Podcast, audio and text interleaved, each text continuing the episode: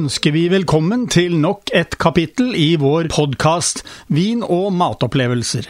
Som vi har gjort tidligere, vil vi tilby deg gode tips om mat og vin, ikke minst nyheter etter hvert som de kommer på Vinmonopolet. I tillegg til det vil vi ta spesielt for oss kombinasjoner av mat og drikke. Vær så god, det er servert. I tidligere podkaster har jeg sittet her med gjester, men i dag sitter jeg her alene i Studio 1. Jeg skal likevel gjøre så godt jeg kan for at vi skal få ut litt nyttig informasjon til folket. I dag har vi valgt ut tre viner, en hvit, en rosé og en rød. Vi må vel kunne si at vi har tatt på oss spanderbuksen i dag.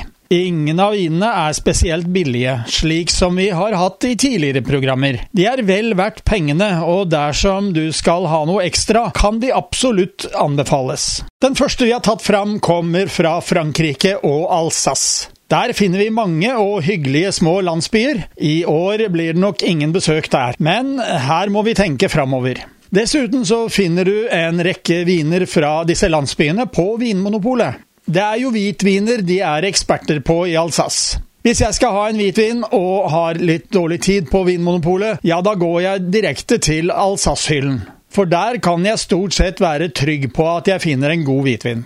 Nå lager de både rødviner og bobleviner i Alsace, men i dette tilfellet er det altså hvitvinene jeg er interessert i. Når du står foran hyllen, så skal du vite to ting. De har kun seks godkjente hvitvinsdruer de bruker i Alsace til å lage vin av. I tillegg har de lov til å lage en blandingsvin med disse druene, men den må i så fall merkes tydelig med eget navn. Det andre er at det er forbudt å blande flere druetyper når de skal lage vin, slik som er vanlig andre steder. Kun én druetype i hver flaske, og da vil vinen få navnet fra druetypen i tillegg til vinprodusenten. I dag har vi stoppet ved byen Torkheim. Vinkooperativen i den byen, Kav de Torkheim, er et sted der jeg har hatt med meg mange vininteresserte nordmenn. Og det er absolutt verdt å gjøre en stopp der. Vinprodusenten har en virkelig fasjonabel vinbutikk. Dessuten har de en rekke gode viner som du absolutt kan finne mye passende mat til. Vi har valgt oss ut en Torkheim Pinot Gris Reserve. Det forteller oss at denne vinen er laget på Pinot Gris-druen. Druen er faktisk en rød drue, vel nesten, litt rødlig og grå, er fruktig og lett aromatisk. Vin dufter og smaker litt i retning av viner av druen Gewurztraminer. Litt blomst og litt krydder. Her finner du også litt tropisk frukt, som melon i smaken. Vinen har en fin friskhet, men hvis du skal ha den som aperitiff, bør du kjøle den eh, godt ned. 10-12 grader er bra når du får den i glasset. Personlig kjenner jeg når en vin bikker 10 gram sukker per liter. Under det er de tørre for meg. Denne har 14,5 gram sukker, og kommer derfor hos meg i klassen for halvtørre viner. Samtidig vil den avkjølt som aperitiff være deilig i munnen. Dessuten vil den passe bra til krydret mat. Hva med skalldyr med chilimajones som følge? Det er jeg overbevist passer bra.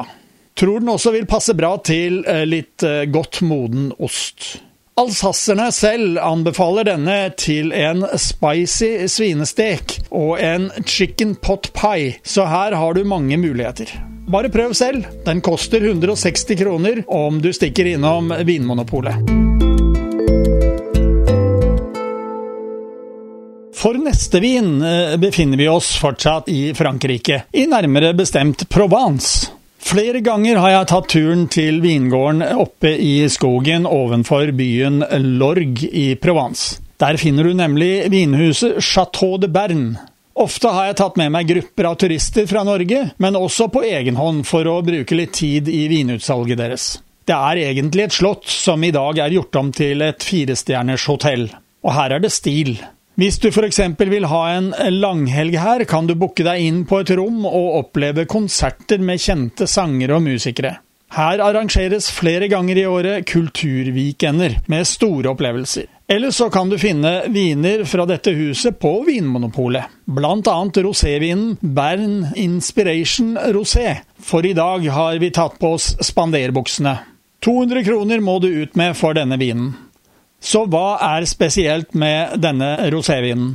Først av alt eh, er det flasken som skiller seg ut. Fargen på vinen er lys fersken, nøyaktig slik jeg ønsker at roséviner fra Provence skal være.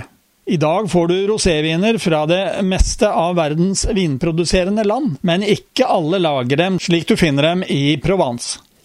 Dette er en tørr vin laget av druene Kinsaut og Grenache, og med passe syre og friskhet. Ikke for mye alkohol, 12,5% Den har god fruktighet med hint av litt tropisk frukt, fersken og aprikos. Vanligvis duft og smak av friske røde bær, men denne går i en litt annen retning. Så hva kan vi bruke denne til? Selvsagt som aperitiff, men tenker vi på mat, vil den kunne passe godt til salater. Friskheten vil matche fiskeretter, og har du en kyllingrett eller annet hvitt kjøtt, tror jeg den vil passe fint der også. Ja, den koster 200 kroner, og du får billigere roséviner, men vil du prøve en litt staselig vin, så finner du den her. Nå har vi tatt turen over til Italia og funnet fram rødvinene, og stoppet i Piemonte. Jeg har vært på vintur til området og fant et flott overnattingssted i høyden ovenfor byen Alba. Savner de fine, grønne kollene rundt byen. Vi har i dag festet oss ved en barbaresco fra vinprodusenten Pietro di Campo, og det er vinen Bogia. Druen her heter Nebbiolo, og det er en drue jeg ofte opplever som kraftig og med mye smak. Så dette vil jeg si er en matvin. Jeg opplevde den ikke som en vin jeg kunne sitte og drikke alene. Vinen har en eh, dyp rødfarge, er tørr og har god friskhet og garvestoffer. Vi finner preg av røde bær, litt urter og noe fatpreg. Den har dessuten 14% alkohol, så her er det nok å gå på. Den er anbefalt til lam, sau og storfe. Den er også anbefalt til småvilt, men da jeg snakket med en jeger som er vant til småvilt, ble det sagt at vinen kanskje ikke ville nå helt fram på det området. Kanskje elgkjøtt, som har en litt mildere viltsmak. Det har gått hele fire år siden druene i vinen ble plukket, og jeg er enig med dem som mener at vinen eh, godt kan ligge tre-fire år til.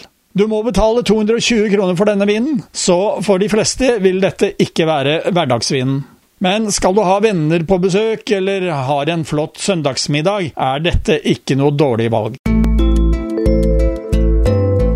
Da har du fått dagens podkast fra Radio Riks Oslo om mat og vin. Hvis du ønsker å abonnere på den, slik at du får den automatisk når nye blir lagt ut, kan du gjøre det. Lykke til! Kommende mandag får du neste kapittel. Vi høres!